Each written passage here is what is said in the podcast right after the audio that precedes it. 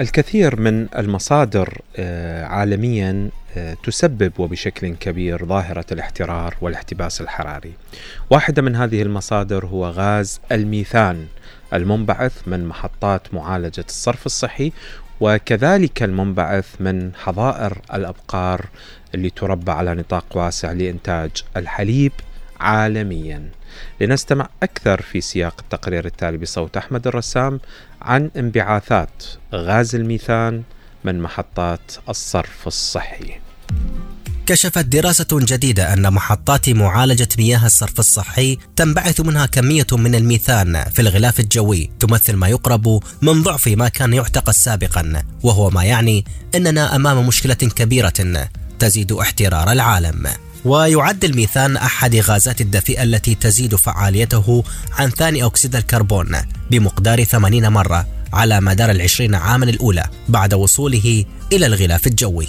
وتشمل الغازات الدفيئة أو كما يطلق عليها غازات الصوبة الخضراء.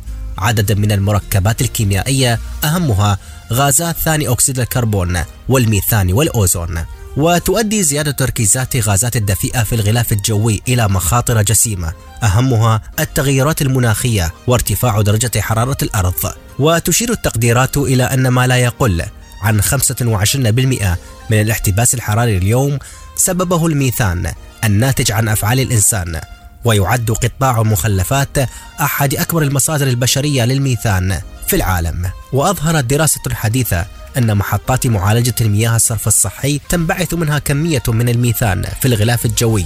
تمثل ما يقرب من ضعف كمية الميثان التي كان يعتقدها العلماء سابقا. ووضعت الهيئة الحكومية الدولية المعنية بتغير المناخ IPCC مبادئ توجيهية تسمح للباحثين والمؤسسات مثل وكالة حماية البيئة الأمريكية EPA بتقدير انبعاثات الميثان من محطات معالجة المياه الصرف الصحي بناء على عمليات المعالجة الخاصة بها. ومع ذلك تم تطوير هذه الإرشادات من قياسات محدودة بعدد صغير نسبيا من محطات معالجة مياه الصرف الصحي.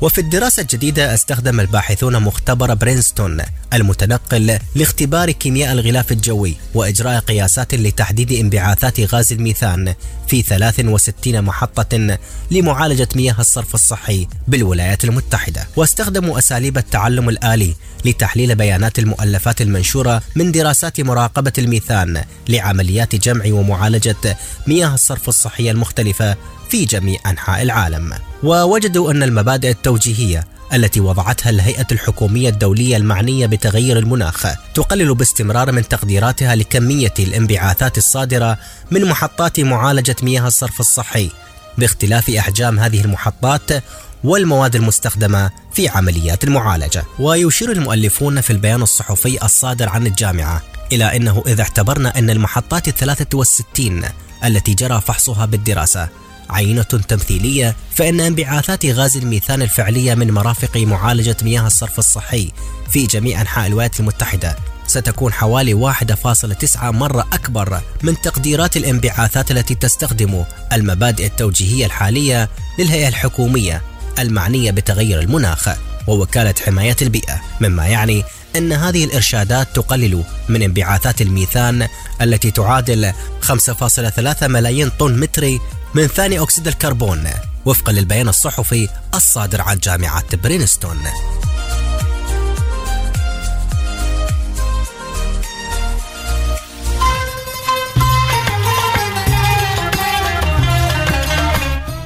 طبعا في البصرة أيضا يعتبر غاز الميثان من الغازات الشائعة وذلك لأنه من الغازات المصاحبة للصناعات النفطية. وغاز الميثان يتسبب بالعديد من الأمراض منها أمراض الجهاز التنفسي وكذلك هو عقدة من عقد الأمراض السرطانية.